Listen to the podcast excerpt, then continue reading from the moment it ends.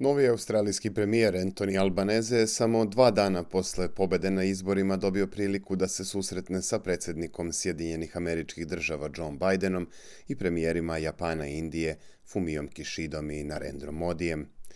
Albanese je u Tokio otputovao čak i pre formiranja nove savezne vlade, odnosno odmah nakon što su oni četvoro za sada privremenih ministara položili zakletvu pred generalnim guvernerom Australije Sir Davidom Harlijem. Upravo zbog činjenice da je sastanak kvada još ranije bio zakazan za 24. maj, čitava procedura oko stupanja novog premijera na dužnosti je i ubrzana kao redko kada ranije. Odgovor na pitanje zbog čega je toliko značajan kvad i šta zapravo predstavlja ovaj kontinuirani dijalog Australije, Amerike, Indije i Japana leži pre svega u činjenici da je reč o saradnji četiri jake svetske ekonomije koje imaju pre svega bezbednostni interes u Indo-Pacifiku. Najpre treba istaći da kvad predstavlja saradnju te četiri demokratske zemlje, ali da nije u pitanju alijansa, Ovaj bezbednostni dijalog započet je 2004. godine kako bi obezbedio podršku međunarodne zajednice zemljama i stanovništvu u regionu koji su bili pogođeni razornim zemljotresom kod Sumatre i posljedicama tsunamija koji je usledio. Od prvog zvaničnog sastanka lidera četiri zemlje 2007. godine, kvadrilaterala je pre svega radila na stvaranju bezbednog i otvorenog Indo-Pacifika. Novi australijski premijer je u ime buduće laborističke vlade ponovio posvećeno zvanične kambere sigurnosti i prosperitetu regiona. The new Australian government's priorities align with the Quad agenda –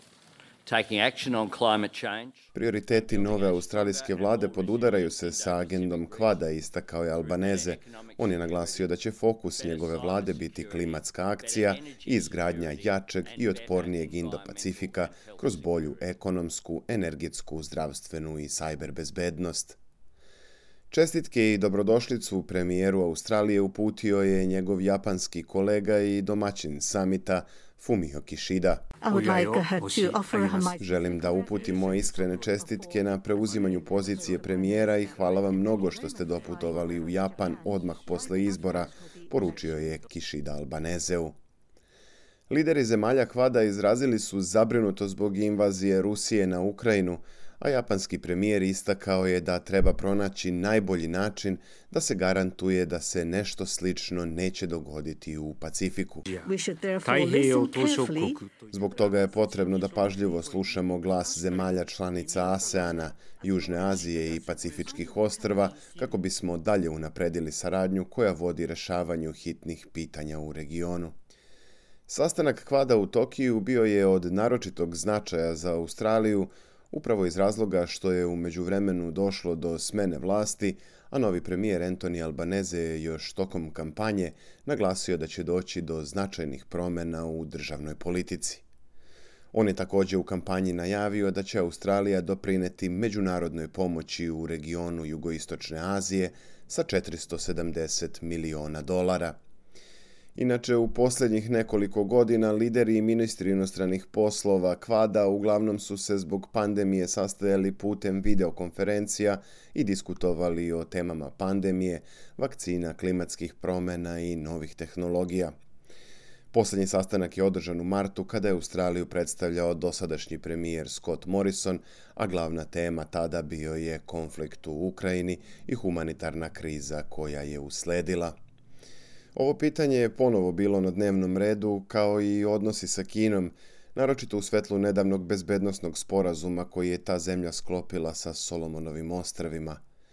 Inače, kineski premijer Li Keqiang je još u ponedeljak uputio čestitku Albanezeu i njegovoj vladi na izbornoj pobedi.